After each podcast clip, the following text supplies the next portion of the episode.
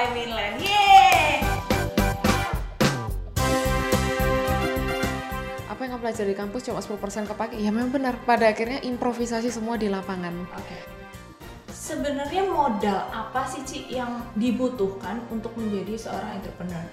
Skill yang kita harus miliki sebagai entrepreneur adalah cantik, muda, dan sukses. Siapa yang nggak mau?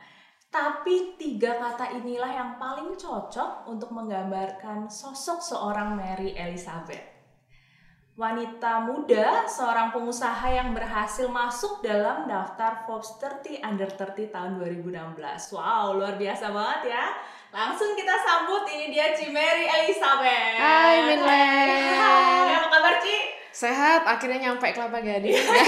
Kelapa Gading dengan semua perjuangannya ya? Yes, dari selatan. Oke, seneng banget hari ini Minlen ditemenin lagi oleh uh, wanita cantik di sini karena Cici adalah wanita kedua yang ada di sini karena sisanya semua adalah pria. Oke, okay. thank you for having me, Minlen. Yeah, thank you for coming anyway. Hmm. Oke, nah langsung aja ya Ci. Mm-mm. Cici itu kan lulusan sarjana hukum dari Universitas Surabaya. Yes. Sampai akhirnya Cici memutuskan untuk ambil program pasca sarjana di Universitas Persamaan Mulia ya. Mulia. Oke, gimana ceritanya sih? Maksudnya eh, kok bisa ambilnya dari hukum langsung banting setir ke bisnis? Panjang ceritanya boleh ya ceritain ya. Oke. Sebenarnya kalau masalah kuliah itu wa- wajar lah karena aku lahir di 1987. Nah, Oke. di angkatan zaman aku semua itu generasi yang terbiasa untuk disuruh orang tua. Orang tua nyuruhnya apa ya udah. Nggak banyak profesi kreatif seperti hari ini jurusan-jurusan kayak multimedia, marketing dan seterusnya. Jadi profesi zaman aku tuh baku banget. Kalau nggak engineer, dokter, hukum ya eh, jurusan profesi yang em, menghantarkan kita ke profesi yang baku gitu. Iya. Nah sampai akhirnya kerja Oke. dapat kerja di Jakarta perusahaan multinasional di sana aku ngerasa oh persaingan ketat ya kalau mau masuk ke level berikutnya ke level jenjang manajer naik lagi ke jenjang direktur dan seterusnya butuh title lebih Iya. dari sekedar S1 berarti harus lanjut S2 Iya. S2 akhirnya eh, setelah survei-survei milihnya manajemen bisnis karena rata-rata CEO, CFO itu berangkatnya dari MBA. Rata-rata pasti eh, edukasinya backgroundnya manajemen bisnis and administration atau disebut MBA. Dan akhirnya waktu kuliah nggak pernah balik kerja lagi, nyangkut bikin usaha sendiri sampai hari ini. Oke, sampai hari ini. Sampai Tapi pada saat Cici kerja memang berhubungan dengan hukum? Karena Cici adalah lulusan hukum atau enggak? malah nggak kepake. Oh, Jadi, malah nggak kepake sama sekali. Jadi eh, apa yang diomongin orang kayak misalnya apa yang kamu pelajari di kampus cuma 10% kepake? Ya memang benar. Pada akhirnya improvisasi semua di lapangan. Oke. paling nggak tapi eh, pengetahuan mengenai basic legalnya ada. Pemahaman mengenai eh, due diligence itu ada lah dikit-dikit lah. Bisa dipakai buat bisnis sendiri juga. Oke, tapi sampai Cici akhirnya mengambil jurusan MBA seperti yang tadi Cici bilang kan CEO dan sebagainya biasanya ambil Yes. itu Yes, yes. jurusan itu sehingga Cici pengen ke arah sana. Berarti memang dari awal mengambil itu karena memang ingin jadi CEO gitu?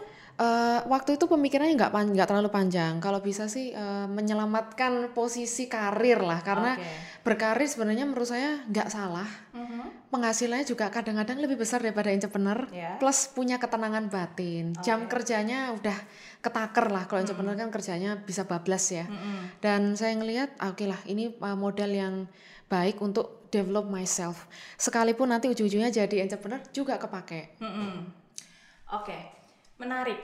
Cici itu pertama kali melakukan bisnis itu pas kapan? Sebenarnya kalau disebut bisnis yang gemes-gemesan udah dari SMA. Oke. Tapi akhirnya resmi beneran ya ketika S2 itu. Hmm, setelah Di sana- S2, Sambil kuliah ketemu partner, Mhm. mulai ngerintis usaha salon. Oke, salon blobar yang akan Yes. kita bahas ini karena sosok Cimeri ini memang eh, baru dikenal kiprahnya setelah sukses di salon blobar Yes, itu ya. di salon ya. Oke, nah menariknya adalah berarti Cici memulai usaha salon blobar ini ketika masih sekolah dong, masih S2 kan? Iya, masih kuliah. Oke, namanya masih kuliah Ci, eh, modal dari mana Ci? Maksudnya Mm-hmm. untuk buka salon sengetren blobar, ya kan pada Yeah. tahun 2014 ya? Yes, uh-uh. Berapa sih modalnya Ci? Waktu itu uh, kita modal saya sendiri itu sekitar 55 juta, partner saya juga sama 55 Oke. juta, total 110 juta. Itu termasuk sebenarnya untuk bikin bisnis lifestyle di Jakarta tahun 2014 termasuk murah. Iya. Termasuk benar segitu. Uh, tapi aku jawab dulu modalnya dari mana? Yes. Karena aku udah kerja tiga tahun, itu tabungan aku sendiri, tabungan hasil kerja. Yang kebetulan aku memang investasi ke reksadana dan sebagainya, makanya beranaknya lumayan banyak. Dan sampai akhirnya uh, ketemu partner, karena memang aku cari partner karena modal aku nggak cukup ya, Yeah. karena nggak bisa bikin bisnis cuma 50 juta lifestyle di Jakarta. Yes. Kita gabungin modal sama visi dan misi, kemudian akhirnya uh, kita bising, eh, bikin bisnis planning dan akhirnya oke kita masuk ke beauty. Biasanya kalau entry level itu food. Yes. Food and beverage itu cukup mudah, tapi pesaingnya banyak sudah red ocean atau ke fashion. Fashion saya nggak terlalu demen karena pesaingnya juga banyak, nggak cuma pasar lokal, tapi yang uh, impor dari China, Thailand juga banyak banget, bagus dan murah lagi ya.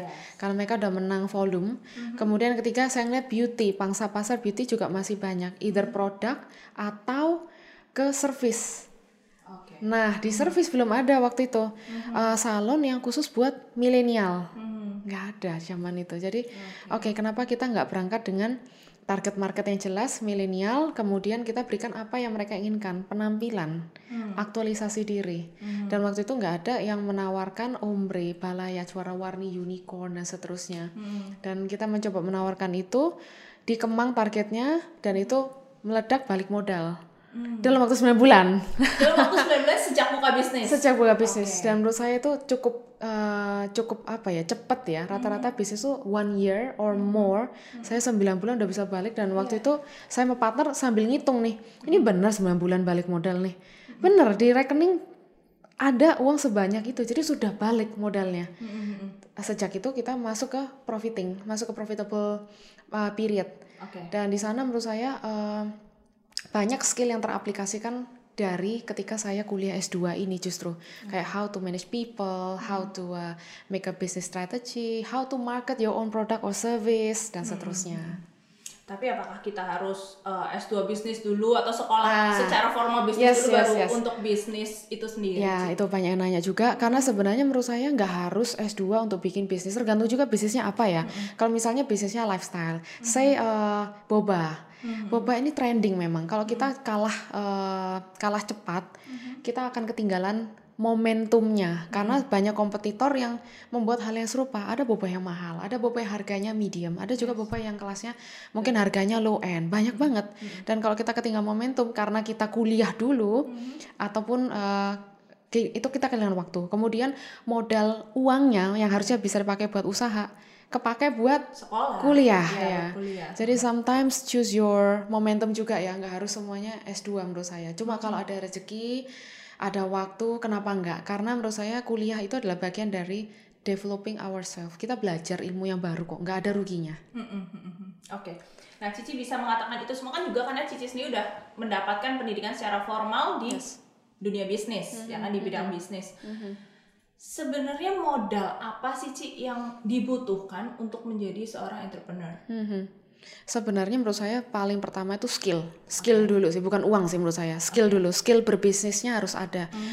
Uh, dengan artian bukan harus kita bisa memasak, saya nggak bisa motong rambut loh, Iya, iya. nggak bisa, Itu dia yang menarik. saya nggak bisa ngewarnain rambut, saya nggak belajar uh, seni tata rambut dengan formal di akademi yang memang beneran kita belajar menata rambut, tapi setidaknya saya punya taste-nya. Waktu saya ngobrol dengan teman-teman pebisnis restoran juga sama kebanyakan. Mereka nggak bisa masak, tapi mereka tahu taste yang enak gimana, yang kira-kira market suka kayak gimana. And then skill yang kita harus miliki sebagai entrepreneur adalah skill bisnis. Oke. Ya tadi skill bisnis itu kurang lebih uh, manage people, kemudian uh, manage your business, manage uh, grow your business dan seterusnya. Itu yang pertama skill. Tanpa skill agak uh, menurut saya agak susah ya. Terus yang kedua adalah baru uang. Oke. Nah, tapi kalau uang menurut saya sih nggak usah khawatir. Kalaupun nggak punya uang sendiri, masih bisa sekarang banyak venture capital. Kemudian banyak lagi uh, bisa pinjem ke teman, saudara, atau partneran kayak saya. Yes. Atau ya paling apa sih yang ngambil ke bank, pinjaman ke bank ya. Tapi saya nggak saran, bunganya kegedean. Kemudian yang ketiga adalah waktu. Menurut saya uh, faktor keberhasilan bisnis uh, adalah engagement antara sang owner dengan bisnis. Karena um, sulit kalau bisnis itu bertumbuh di masa-masa awal dan membutuhkan foundernya berada di sana, tapi foundernya nggak punya waktu, misalnya masih kerja Mhm. atau misalnya eh, masih ngurusin hal lainnya, jadi nggak bisa fokus prioritas ke bisnis yang justru dia bangun di awal. Karena kan ibarat kayak baru punya bayi nih, bayinya nggak bisa ditinggal-tinggal nih, staff founder harus benar-benar hands on ke bayinya. Waktu menurut saya kritikal, kemudian terakhir baru network sih Oke. network ke supplier, network misalnya ke customer, Yes. network ke media, itu masih bisa dicari sebenarnya. Tapi yang penting ya tiga yang awal itu, skill, uang, dan waktu. Itu kan ada tiga itu ada di diri kita sendiri. Mm-mm. Salah, eh, kalau bisa sih tiga-tiganya punya ya. Oke, ya. heeh. Kalau bisa tiga-tiganya punya iya dong, itu Yes. jauh lebih idealnya. Cuma Ci realistisnya, kayak yang tadi Cici bilang betul sekali soal skill. Cici sendiri nggak bisa motong rambut, tapi buka salon. Cici sendiri mungkin nggak bisa eh, bener-bener kasih treatment mewarnai dan sebagainya, tapi Cici lakuin bisnis itu. Masalah terbesar biasanya orang buka usaha seperti ini adalah di SDM-nya dong, Cici. Benar, that's true. Ya kan? Terus bagaimana Cici menemukan SDM-SDM yang kompeten seperti itu sehingga bikin uh, salon Cici ya berbeda dan berkembang seperti Iya. sekarang. Menurut saya bisnis tuh nggak lepas dari seni memanage manusianya, human resource management. Karena bisnis itu nggak bisa dijalani sendiri. Ini bukan one man show. Kita jalan dengan staff. Karena begitu kita growing juga pasti harus nambah staff lagi. Jadi yang paling benar pertama adalah punya company culture. Karena dari sana kita bisa menarik orang-orang yang sesuai dengan culture kita. Misalnya saya suka orang yang gercep. Eh, Saya suka kayak Minlan nih, sudah prepare gitu kan. Topik-topiknya mau apa? Thank sudah you. prepare. Kemudian eh, on time, bekerja eh, bekerja keras ya, bekerja keras juga, giving the best lah, bukan bekerja keras, giving the best. Nah akhirnya kita akan cenderung meng- ketika menginterview, meng-hire, menarik orang-orang yang punya value serupa. Nah di sana kita membangun teamwork yang bagus. Kemudian jangan lupa juga eh, membuat planning benefit. Nah gaji maksud saya, gaji bonus kalau tembus target yang juga bisa eh, enak ya, enak diterima oleh staff yang akan bekerja sama kita. Itu akan memperpanjang usia eh, loyalitas juga, kemudian produktivitas ketika dia bekerja di tempat kita, happy kan. Ketika manusia itu happy, dia akan produktif, melahirkan karya-karya baru, kreativitas yang baru yang mungkin nggak keluar ketika dia under pressure misalnya. Dan eh, di sana juga eh, perlu juga untuk mengadakan semacam hmm, apa ya? Kita harus punya komunikasi yang baik dengan antara founder, dengan antara level manajemen dengan level staff. Karena betul tadi saya nggak bisa mewarnai rambut, saya nggak bisa eh, me- menata rambut, saya hanya bisa memanage mereka yang di lapangan yang mengerjakan pekerjaan itu. Berarti yang harus saya lakukan adalah me- menjaga komunikasi yang baik, yang sehat, terbuka dengan staff di lapangan. Staff lapangan misalnya kegundahannya apa atau perlu fasilitas apa, saya harus provide itu. Atau misalnya eh, ada new service baru, oke, apa yang bisa kita lakukan supaya new service ini terlaunch dengan baik dan juga eh, dapat eh, nembak target market yang tepat. Misalnya ada juga kayak masalah komplain, itu harus segera kita bahas supaya komplain ini segera terselesaikan dengan baik. Jadi I think it's about teamwork, communication dan paling penting tadi mundur lagi hiring the right people. People. Yes. Yes. Oke, itu soal uh, skill tadi ya. Oke. Bagaimana dengan Cici bisa dapat supplier? Kan tadi Cici juga ngomong soal network. Which is sebelumnya Cici, maksudnya ini bisnis pertama Cici pada saat itu sebagai mahasiswa mendapatkan ya untuk mendapatkan warna yang bagus nggak bisa juga dong suppliernya asal-asalan, Yes, yes, ya kan? that's true, that's true. Supplier itu menurut saya nggak usah khawatir karena supplier itu sekarang beragam. Mulai dari harga yang murah sampai harga yang mahal banget tuh ada. Uh, kebetulan saya sendiri kalau buat yang warna-warna gonjreng, unicorn, yang warnanya vibrant betul itu memang kita impor. Ada suppliernya ternyata di Indonesia. Jadi tadinya yang saya pikir aduh khawatir ya, sempat ada kekhawatiran kayak gimana kalau saya nggak bisa nemu bahan baku ini, bahan baku itu. Tenang aja, Indonesia ini full of resources. Kalaupun nggak ada kita bisa impor gitu. Oke. The world is not flat. Jadi yang penting adalah punya uangnya dulu karena ada supplier nggak ada uang juga kita nggak bisa beli bahan baku ya. Oke. Nah, terus Ci, menarik tadi kan Cici bilang kan bagaimana awalnya membuka bisnis salon sekalipun Cici nggak bisa motong. Ketika Cici jeli dong melihat peluang. Eh, pada zaman itu eh, belum ada salon-salon yang memang eh, spesialisasinya di ombre, warna-warna unicorn dan sebagainya. Eh, ajarin kita gimana ya, Ci? Biar kita tuh bisa melihat titik kejelian itu juga Oke, gitu. oke. Uh, perlu marketing riset. Oke. Research, marketing research. Meriset. Riset itu ada kualitatif, ada kuantitatif. Iya. Uh, berangkat dari kualitatif dulu aja deh, nggak usah ngitung-ngitung ribet-ribet ya. Iya. Kualitatif itu sebatas mensurvei, mengobservasi customer behavior kita. Saya kita minatnya apa? Kita sempitin deh. Kalau saya kebetulan waktu itu minatnya entah kenapa di rambut. Oke. Karena rambut tuh mahkota wanita. Jelas cewek pasti pengen rambutnya bagus gitu. Yes. Dari saya, saya berangkat nggak usah jauh-jauh dari diri sendiri. Apa yang saya suka? Oke, saya mengobservasi kelompok wanita di usia belasan, 20-an sampai ke 30-an. Apa sih yang mereka cari? Mhm. Rata-rata sama, pengennya rambut yang sehat, indah, mudah ditata, warnanya cerah. Oh, bukan bukan yang bukan yang kayak gimana, maksudnya berkilau gitu. Iya. Jadi mereka merasa lebih percaya Diri. diri. Nah, Nah. dari sana saya mengambil kesimpulan, oh oke, berarti yang mereka butuhkan adalah uh, either produk atau jasa. Kalau produk sudah banyak, Min. Di uh, retail market demikian banyak produk mulai dari sampo, conditioner, masker dari merek lokal sampai merek luar negeri ada komplit. Saya waktu ngeliat ke survei di supermarket gitu, how can I beat them? Mereka sudah menang volume segitu banyak, brandnya dan produknya ada di mana-mana. Jadi I was thinking, kenapa nggak mulai dari service? Nah, jadi berangkat dari eh, paling nggak dari minat kita. Kita seraknya di mana kurang lebih. Cari ada nggak target marketnya? Oh ada, oke. Perhatikan target marketnya. Kebiasaan mereka gimana? Apa sih yang mereka butuhkan? Need versus want-nya. Kemudian juga perhatikan eh, purchase power-nya mereka. Mereka kira-kira akan willing to spend budget untuk memenuhi keinginan mereka itu di kisaran berapa. Nah, baru kita buatkan produk atau jasanya.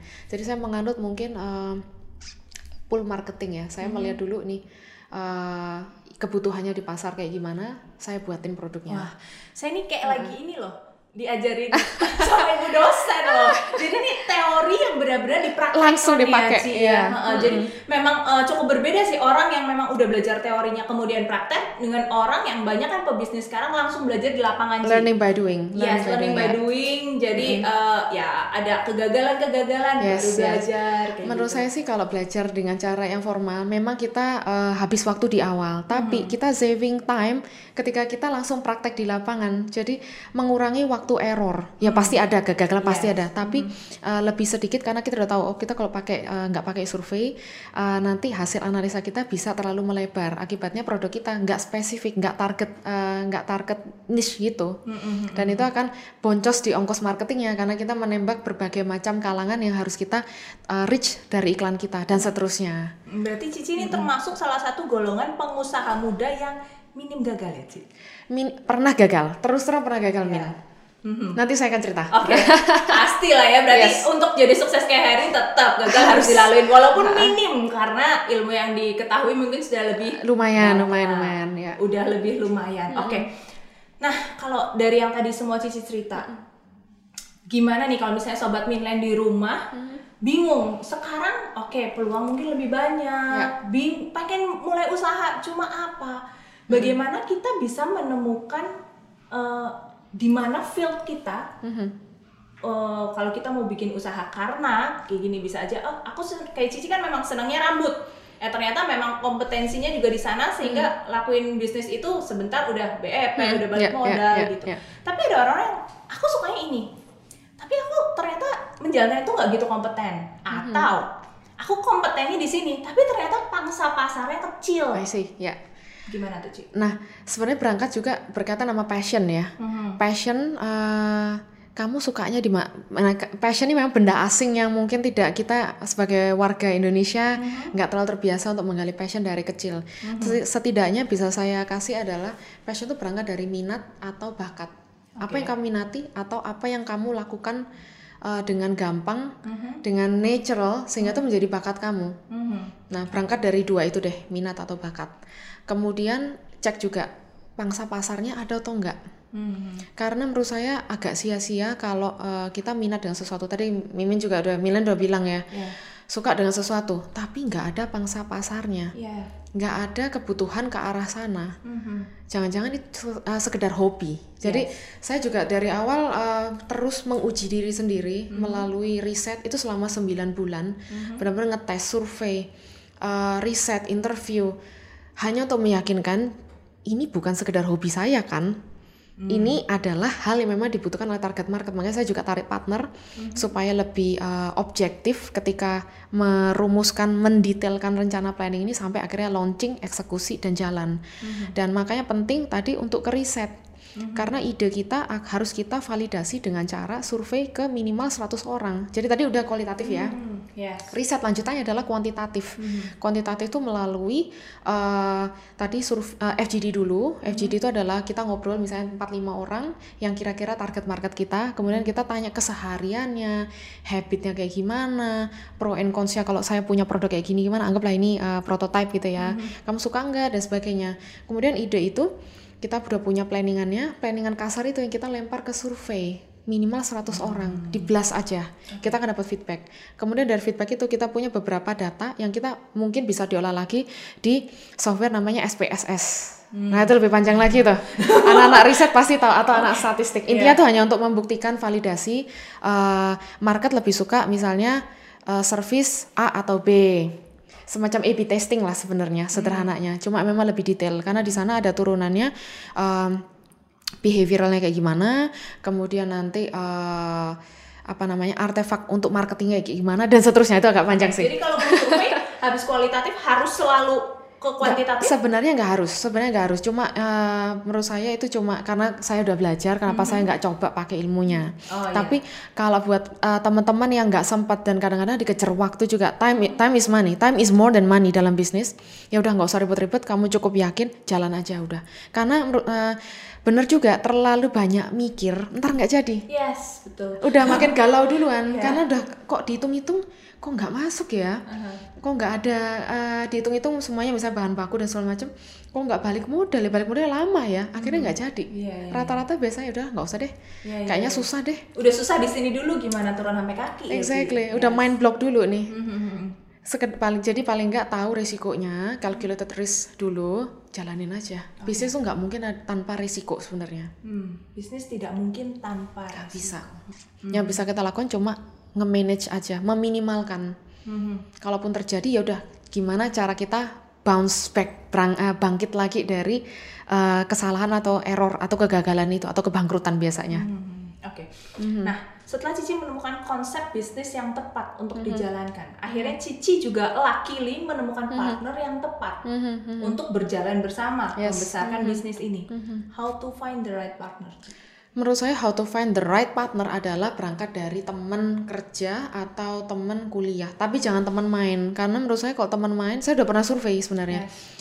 Menyisir samping atas bawah angkatan atas apa semua muanya sudah saya survei akhirnya saya cocoknya justru dengan teman kerja. Kebetulan kita pernah terlibat dalam satu kepanitiaan lalala di kampus lah. Jadi udah ketahuan kinerja kayak gimana.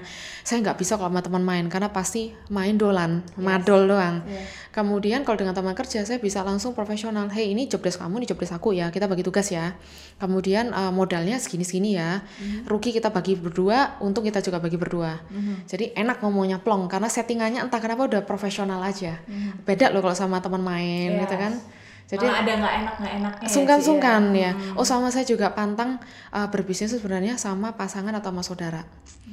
Pantang karena uh, dari beberapa kali kejadian rekan-rekan kok banyak uh, slacknya biasanya. Ntar sungkan-sungkanan, ntar akhirnya jadi musuhan atau jadi ya jadi saudara nggak enakan kan. Jadi nggak usah deh sama orang luar aja, tapi kita profesional. Ada hitam di atas putih. Oke oke oke. Nah karakteristik seperti apa sih Ci untuk jadi seorang entrepreneur? Yang dibutuhkan untuk menjadi seorang entrepreneur yang pasti adalah pantang menyerah. Karena jalan di namanya entrepreneur adalah orang yang membuka jalan, melihat peluang dan mengubah peluang itu menjadi value. Sebenarnya makna entrepreneur itu itu. Jadi hal pertama yang dibutuhkan adalah pastinya eh, pantang menyerah. Karena dari satu ide, ah ternyata nggak bagus ya, coret. Cari ide baru lagi. Aduh ternyata kok kurang eh, nggak nggak bakal sukses nih di lapangan nih, coret lagi. Timelinenya Oke. untuk tahunnya itu? Saya sendiri 9 bulan. Nah, beda-beda tiap orang. Ada teman saya yang eh, ngobrol-ngobrol, bisnis sebulan jadi, jalan. Ada juga yang butuh waktu sampai 2 tahun. Jadi uh, menurut saya kembali ke karakter, nggak ada timeline, nggak ada deadline di sini. Jadi uh, jangan menyamakan timeline kita ke timelinenya orang lain. Nanti, nanti stres sendiri. Mm-hmm. Karena waktu tiap orang berbeda, mm-hmm. sukses tiap orang tuh berbeda-beda. Jatuhnya timelinenya juga beda, tergantung usaha kita. Jadi jalanin aja porsi kita setiap hari, walaupun kesannya kayak capek banget, kok belum ada hasil uh, semua uh, such a slow progress tapi jalanin hari demi hari hari demi hari. Kalau kita setia ke perkara kecil kan pasti dikasih perkara besar kan pada akhirnya. Pasti dapat kok rezekinya. Mm-hmm. cuma ya itu kerjain aja bagian kita. Udah nggak usah lihat kanan kiri. Nanti nanti iri sendiri gitu. Mm-hmm. orang lain gampang ya. Oh enak ya dia. Misalnya uh, orang tuanya udah support atau dan seterusnya. Mm-hmm. atau misalnya oh ada visi di balik uh, startupnya dia pantas dia grownya cepat. Mm-hmm. kalau ngelihat gitu nggak ada habisnya udahlah ngeliat jalan sendiri aja yeah, yeah. jadi tadi pantang menyerah fokus ke timeline diri sendiri mm-hmm. kemudian menurut saya adalah yang paling penting adalah uh, jeli melihat peluang sih karena uh, kejelian melihat peluang dan mengubahnya menjadi value itu adalah basic dari seorang entrepreneur jadi nggak semua ide itu memang bisa diubah menjadi bisnis yeah. kadang uh, kayaknya gampang diomongin, oh kayaknya uh, berhasil di luar negeri, belum tentu di Indonesia jalan gitu. Atau yang kita lihat uh, boba tadi balik ke boba ya, mm-hmm. boba sekarang uh, marketnya uh, bagus ya, semua banyak brand-brand boba bermunculan gitu. Mm-hmm. Saya mau buat apa boba? Belum tentu saya boba saya laku gitu, seperti yang sudah ada ataupun yang milik kompetitor gitu. Mm-hmm. Jadi uh, jelilah melihat peluang, jangan hanya kebawa tren juga, lihat juga apa yang belum ada di pasar, hmm. tapi dibutuhkan target market ya. Jangan yeah. melihat peluang tapi ya marketnya nggak butuh-butuh amat sih. Oke okay, oke. Okay. Gitu. Jadi tips untuk kejelian itu justru mm. mencari apa yang belum ada di pasar tapi Betul. justru yang dibutuhkan pasar. Betul. Uh, saya pernah baca, saya lupa nih siapa yang nulis, tapi uh, bisnis ide bisnis itu dibagi menjadi dua, mm-hmm. uh, sebagai kategori makanan atau mm. sebagai kategori obat nih. Okay. Kalau kategori makanan uh, sorry kategori makanan atau suplemen. Kalau oh, kategori okay. makanan orang harus orang sangat membutuhkan produk kamu gitu, nggak hmm. bisa nggak gitu, hmm. harus punya misalnya air yeah. atau listrik uh, dan lain sebagainya. Hmm. Tapi ada juga produk-produk atau service yang masuk kategori suplemen. Orang nggak pakai, orang nggak beli pun nggak masalah. Hmm. Mereka masih bisa hidup. Contoh, yeah. contoh terus terang eh, salon, yeah. terus terang salon, mm -hmm. karena itu lifestyle. Mm -hmm. Tapi di kategori tapi kalau kita ngomongin wanita kebalik beauty itu menjadi kebutuhan primer mereka nggak bisa nih keluar rumah kalau nggak alisan semacam itu ya yeah. jadi laki-laki uh, baca juga target market mana yang mau kita layani yes, kalau kita yeah. melihat uh, cuma sekedar dari oh produknya bagus wait a minute siapa target marketnya mm-hmm. nah ketika kita menyasar wanita cara berpikir wanita beda loh dengan target pria mm-hmm. nah jadi totally different lagi jadi mm-hmm. pahami tadi kenali peluangnya, riset marketnya. Nah, oke okay, kalau misalnya tadi kita kan udah belajar secara soft skillnya nih, konsepnya mm-hmm. udah udah ya udah cukup dijelaskan dengan cukup jelas oleh Cimeri. Mm-hmm. Nah, sekarang langsung yang uh, to the point sih, mm-hmm. yang sangat dibutuhkan dalam memulai bisnis. Aha. Secara fisiknya apa? Uang. Uang yes. sih. How to manage money untuk orang yang baru mau mulai merintis. Merintis, oke. Okay. Ya. Uh, kalau saya sih ketika mulai merintis saya nggak hmm. suka minjem uang sama orang keluarga hmm. dan sebagainya no no no karena memang keputusan mau jadi entrepreneur itu murni keputusan saya sendiri jadi okay. saya udah prepare tabungan hmm. Uh, waktu itu cuma sekedar tabungan aja saya nggak tahu tuh bakal dipakai buat apa ternyata hmm. pada akhirnya kepake juga buat modal bisnis ya hmm. jadi entah kenapa saya memang lebih suka pakai uang sendiri kalau nggak cukup ya udah cari partner hmm. jangan pinjam ke bank bunganya okay. terlalu mahal yeah. nanti kalau ada apa-apa bangkrut gimana cara ngebalikin utang piutang itu. Hmm. Kemudian kalau ke saudara, ke keluarga juga saya kurang suka karena terlalu banyak cerita-cerita yang tidak mengenakkan ya. Kayak misalnya ya itu utang sama saudara, jadi aduh males banget dengar ceritanya. Hmm. Jadi udah usaha sendiri aja. Nah sekarang buat teman-teman yang misalnya lagi kerja, lagi hmm. kuliah, mau nyiapin nih cerita modalnya, ya udah sisihin tiap bulan nabung. Mau lebih cepet ya udah pakai investa, pakai kendaraan investasi. Yes. Dan yang penting sih uh, menyisihkan modalnya ini dikasih deadline karena kita juga harus ketika mulai bisnis itu sama aja dengan uh, punya cita-cita ya harus hmm. ada deadline-nya untuk mulai ya hmm. oke okay, saya harus uh, udah ma maaf maksud saya sudah punya hitung-hitungannya yeah. saya misalnya mau bikin bisnis salon butuh bahan bakunya berapa sewa gedung itu berapa sih? Kemudian eh, hiring orang gaji UMR itu berapa? Hiring lima staff bisa dihitung semua. Ya. Pengeluarannya kira-kira. Oke, berarti saya harus punya modal katakanlah 100 juta. 100 juta ini bisa saya tempuh dengan penghasilan saya harus nyisihin berapa juta per bulannya. Ketaker kan dari Iya. sana. Dan akhirnya ketemu nih.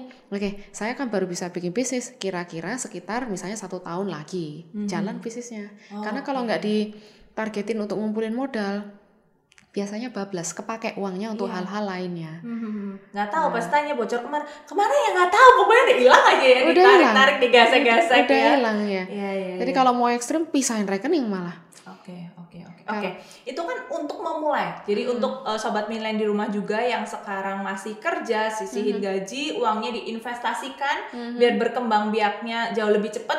Terus tetap harus ada deadline. Deadline yang jelas. Jadi kapan mau mulai usahanya tuh jelas. Habis itu di uh, di breakdown ya pengeluaran apa. Yes. Nah idealnya tuh Ci pas buka usaha kita kan udah harus ada modal untuk ngegaji, untuk Ya. sewa tempat dan sebagainya. Dalam jangka waktu berapa lama? Hmm. Eh, biasanya rule of thumb-nya kita harus punya cash flow lancar untuk membayar pas semua pengeluaran itu 3 sampai 6 bulan. 3 sampai Rata-rata 3 sampai 6 bulan. Lebih lebih baik malah. Yes. Tapi kalau terlalu eh, banyak juga artinya kebanyakan uang tunai dalam perusahaan cash flow-nya terlalu liquid. Itu juga nggak baik. Itu artinya harusnya dipakai uangnya buat modal kerja, bikin cabang. Yeah. Nah, itu juga jadi idealnya 3 sampai 6 bulan. Kurang dari itu juga agak berbahaya. Amit-amit misalnya sales di bulan itu tidak baik. Gimana cara kita membayar gaji pegawai uh, overhead cost untuk air listrik di bulan itu. Oh, jadi persiapan aja. Ada beberapa bulan yang memang entah kenapa sepi sekali, terutama setelah Lebaran, setelah uh, Natal tahun baru, karena memang rata-rata peng, uh, customer uh, warga net ya sudah menghabiskan uang di periode-periode tersebut. Jadi setelah itu memang rada sepi, kita harus bakar uang justru untuk marketing, uh, promotion dan lain sebagainya. Hmm, hmm, hmm. Oke. Untuk Co Studio sendiri Ci, Mhm. ada budget khusus marketing nggak sih? Ada. Eh, karena awalnya salon perintis, targetnya milenial, saya nggak bisa memarketingkan dengan cara lama. Saya nggak bisa beat my competitors yang sudah lama di market. Akhirnya saya harus mentap new market dengan cara masuk ke digital marketing Yes. melalui iklan-iklan di Instagram, Facebook, Google Ads, Google Display Network yang kalau kamu ngeklik eh, website apa nongol di samping-samping. Kamu tutup website itu, kamu buka website lain, masih nongol. Iya. Nah, itu ibarat dihantui dengan cookies ini ya. Iya. Dan total semuanya itu kurang lebih sekitar maksimum 10 sampai 15% dari total omset saya. Dan menurut saya itu angka yang masih wajar. Ada beberapa bahkan uh, tipe bisnis model yang uh, biaya marketingnya bisa almost 30%, 25 to 30%. Depends dari uh, model bisnisnya apa. Karena saya bukan uh, startup digital, saya adalah bisnis konvensional. Saya nggak bisa bakar uang terlalu banyak. Iya. Karena objektif uh, bisnis tradisional atau konvensional itu adalah to make profit. Kalau digital startup uh, objektifnya adalah growth user atau user acquisition. Jadi totally different memang. Jadi di sana ya udah budget menurut saya 10% itu masih sehat. Yang saya alihkan tadi ke semua digital, kemudian sisanya promo dan sebagainya. Syukurnya dengan masuknya tadi ke Forbes uh, banyak dukungan dari teman-teman media, media-media konvensional seperti televisi, media radio, media cetak untuk uh, mempublikasikan itu sangat membantu karena kalau saya bayar sendiri nggak mampu mahal banget kalau Iya, masuk iya. TV kan sepersekian detik uh, iklan semenit iklan sudah berapa ratus juta Hmm, hmm, hmm. Oke, jadi eh, itu juga belum diinfo juga Blobar dulunya namanya Blobar kan Yes, dari yes, awal it kita is. nyebutnya Blobar sampai akhirnya berubah jadi Co Studio. Yes, yes. Jadi nggak cuma tentang coloring atau gunting dan sebagainya, tapi sekarang ada Neles, akhirnya kita lengkapin juga. Dan, Oh ini satu penting juga nih, ketika berbisnis pastikan juga merek itu dibenerin dari awal. Ini salah satu eh, kesalahan saya juga. Nah ini, saya kuliah hukum aja masih bisa error salah di sini ya. Jadi saya udah ngerti merek sebenarnya, cuma saya agak-agak gampangin santai lah, pasti dapat. Udah daftarin gitu. Ternyata eh, eh, ketika jalan selang 2 tahun, saya dapat somasi intinya surat peringatan bahwa ternyata sudah ada yang pakai nama saya. Tapi memang yang mendaftarkan duluan ini tidak dijadiin usaha. Jadi mana saya tahu gitu. Iya. dan uh, akhirnya saya punya pilihan either saya maju banding ke pengadilan untuk fight for this brand name atau sekalian rebranding. Mm-hmm. Setelah hitung-hitung costing dan segala macam irit waktu juga tenaga dan uang ya udahlah kita rebranding aja kita ngalah tapi kita sematkan cerita yang baru karena saya pengen targetnya ke cowok ya udah jangan blobar itu sangat-sangat cewek ya. Mm-hmm. Cewek kan ngeblu kalau ke, ke salon. Mm-hmm. Jangan deh kita pilih nama yang lebih unisex. Targetnya cowok. Mm. Kemudian namanya bukan salon deh karena cowok risih kalau ke salon. Yes. Padahal cowok milenial yang metroseksual juga uh, punya kebutuhan grooming. Yeah. Nah akhirnya kita ubah namanya jadi studio, lebih gender, uh, lebih unisex gendernya. Mm -hmm. Dan nah itu PR berarti buat teman-teman yang mau merintis cek mereknya terdaftar sudah ada yang daftarin nggak? Jangan cuma percaya cek merek di online. Hmm. Pakai konsultan hukum kalau perlu. I know it uh, it cost a bit in the beginning, tapi itu menyelamatkan kalian menyelamatkan kinerja keras kalian selama bertahun-tahun nggak pengen dong kayak udah bertahun-tahun ngebangun brand suatu saat ada yang uh, ya atau langsung nuntut di pengadilan ah oh, gue nggak terima nih. Kenapa pakai merek saya ya kita mana tahu yeah. gitu ya. Habis itu uh, per acara di pengadilan juga tadi pastinya ada biaya. Syukur kalau menang ya uh, nama itu jadi merek kita. Kalau kalah yeah. ujungnya harus rebranding juga kan, atau naik ke jenjang berikutnya. Oke, okay. tapi ada efek nggak sih dari branding itu? Ya pastinya ada karena awalnya orang terbiasa dengan blobar, orang mm -hmm. taunya dengan blobar. Mm -hmm. Tapi kita cicil proses rebranding itu. Mungkin juga teman-teman yang mungkin mengalami masalah serupa jangan langsung uh, putus asa. Semua ada jalan keluarnya keluarnya. Yeah. Ingat entrepreneur kan nggak boleh menyerah, oh, jadi iya, harus menyerah. cari jalan keluarnya terus ya. Kena masalah cari mm-hmm. solusinya. Mm-hmm. Jadi yang saya lakukan waktu itu adalah saya cari uh, di luar sana ada nggak sih orang-orang serupa, bisnis serupa yang mengalami kasus kayak gini dan mereka harus rebranding. Ternyata banyak. Uh, kita uh, ngomong Coca-Cola, Pepsi, ternyata dia mengalami rebranding cukup uh, sering, tapi namanya tetap Coca-Cola. Tadinya tuh Coca-Cola. Ada hmm. pernah dia namanya cuma Cola, Coke atau Coca-Cola Coke ada sampai akhirnya jadi Coca-Cola hari ini. Mm-hmm. Uh, saya riset itu dia melakukan rebranding tuh sering malah cukup sering selama bertahun-tahun dan sekalian ganti brand uh, logonya Logo. juga identity logonya ada yang ditulis sedikit hurufnya ada yang diganti warnanya karena dia ngerasa oke okay, kita harus lebih uh, we have to refresh our brand untuk mentarget uh, target market yang lebih mudah hmm, okay. ternyata itu hal yang cukup wajar jadi hmm. oke okay, sekarang tinggal pilih nama nih dan sebagainya kemudian kita cicil hmm. waktu itu saya kasih timeline untuk tim marketing saya satu tahun jadi di sana kita cicil mulai dari rebranding pasang berdua. Jadi hmm. logo lama, logo baru. Jadi orang oh, okay. jadi orang familiar ini apa nih? Hmm. Kemudian ketika misalnya uh, kita bikin campaign selalu ada membawa unsur perubahan baru, new era, new life, new page of life. Jadi orang udah nyambung, kemudian pasang logo dua-duanya. Kemudian puncaknya itu adalah ketika waktu itu rezeki banget, hoki banget dapat slot di DWP. Oh, Jadi Jakarta okay. Warehouse Party itu yeah. adalah uh, yearly dance music party festival uh, diadakan oleh Ismaya Group mm-hmm. setiap tahunnya di JCC Kemayoran mm-hmm. itu big event mm-hmm. dan uh, untuk masuk ke sana itu harus bayarnya cukup mahal. Cuma waktu itu hoki banget dapat tempat uh, space cukup besar untuk dipakai buat uh, brand activation. Ya saya bikin salon mini lah ceritanya di sana, yeah. di mana uh, para uh, bukan audiens ya para pengunjung DWP yang udah capek joget-joget keringetan kan waktunya touch up hmm. cewek pasti nggak jauh-jauh dari touch up. Yeah. di sana saya bikin booth juga logo lama logo baru. Hmm. kemudian di sepanjang kacanya saya tempelin logo baru. Jadi orang sudah ter apa ya sudah terekspos duluan. Hmm. tapi again to the right market. Yeah. kalau saya nge-brandingnya misalnya di sekolahan misalnya di SMP bukan target market yeah. saya. Anak SMP kan belum nyalon yeah, ya. belum boleh warna-warna belum. unicorn.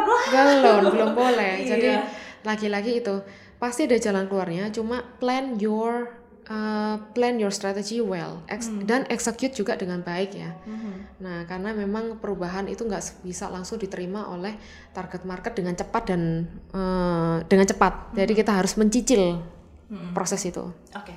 Nah ngomong-ngomong soal set tomorrow plan. Hmm idealnya Ci hmm. kita tuh set kayak kita tahu uh, tomorrow plan kita itu adalah kita set secara mingguan atau bulanan atau hmm. gimana Ci? Hmm. Kalau saya sih punya jangka pendek, panjang dan menengah pastinya. Kalau jangka pendek gampang satu sampai dua hari ke depan tuh mau ngapain. Mm-hmm. Kayak kemarin saya dihubungin minggu lalu sama Romario, oke okay, um, buat minggu depan ya, oke okay, saya taruh di jadwal untuk ketemu sama Minland di Mhm. 1MP. Mhm. Kayak itu. Kemudian jadwal bulanan, misalnya eh, itu berkaitan misalnya dengan eh ini agak nyampur sama kerjaan nih karena saya lagi mikir kerjaan juga. Oke. Misalnya kayak THR. Mhm. Itu kan udah ketahuan itu berapa bulan lagi bakal THR. Ini Yes. sekarang bulan Februari. Eh, nanti akhir Mei Lebaran. Hmm. Berarti udah tinggal Februari, Maret, April, Mei 4 bulan lagi sudah Hmm. mau turun THR, siapin uangnya dan seba- dan lain sebagainya. Itu eh, saya coba bisa mikir sampai ke sana. Kalau jangka panjang misalnya itu eh, berkaitan dengan perusahaan mau ekspansi. Hmm. Kalau sa- saat ini memang kita mau ekspansi, mau buka cabang kedua Yes. di? Tangsel. Oh, Jadi oke. mohon doanya Iya. lancar. Pasti lancar. Ya, amin. Amin. Kalau itu memang udah di planning bukan dadakan, udah dari setahun sebelumnya. Oke. Karena membuka cabang ongkosnya lebih banyak kan. Yes, yes. Kemudian juga berkaitan dengan personal pribadi. Goal pribadinya apa nih? Eh, kalau saya sendiri jangka pendek pasti eh, mem- pengen produktif, lebih produktif lagi di bisnis, lebih ngembangin perusahaan lah.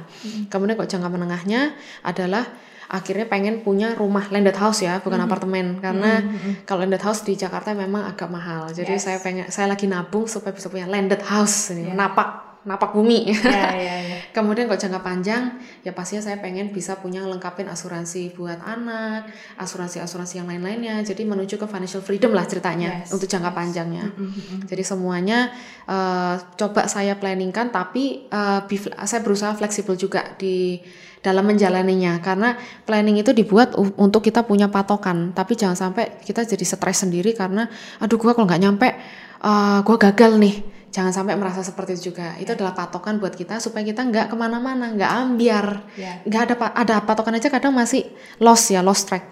Apalagi nggak ada patokannya, Yes. lebih ambiar ke mana-mana. Iya, iya, iya. setuju sekali. Oke, dan finally kita sampai di last question sih. Oke, Oke. saya siap. Last questionnya ya. Usia berapa Cici pertama kali mendapatkan satu miliar pertama? Satu miliar pertama saya itu dicapai, sebentar aku ingat, aku itu mundur. Akhirnya dua. Dua enam sih. Aku mendapatkan satu miliar pertama itu nggak lama setelah balik modal. Itu berarti tahun 2015. Aku usia dua dua Tujuh. dua tujuh waktu itu. Dua tujuh. Dua tujuh. Jadi Oke. setahun berbisnis nyampe satu miliar. Oke, jadi satu miliar pertama sebelum usia 30 tahun. Yeay! Oke, so thank you so much Ci udah datang ke 1MP hari Sama-sama, ini. Milen. Very nice ngobrol-ngobrolnya. Yes, tetap pantengin terus kita di episode-episode selanjutnya hanya di 1MP, 1 miliar pertama by Minland. Bye-bye!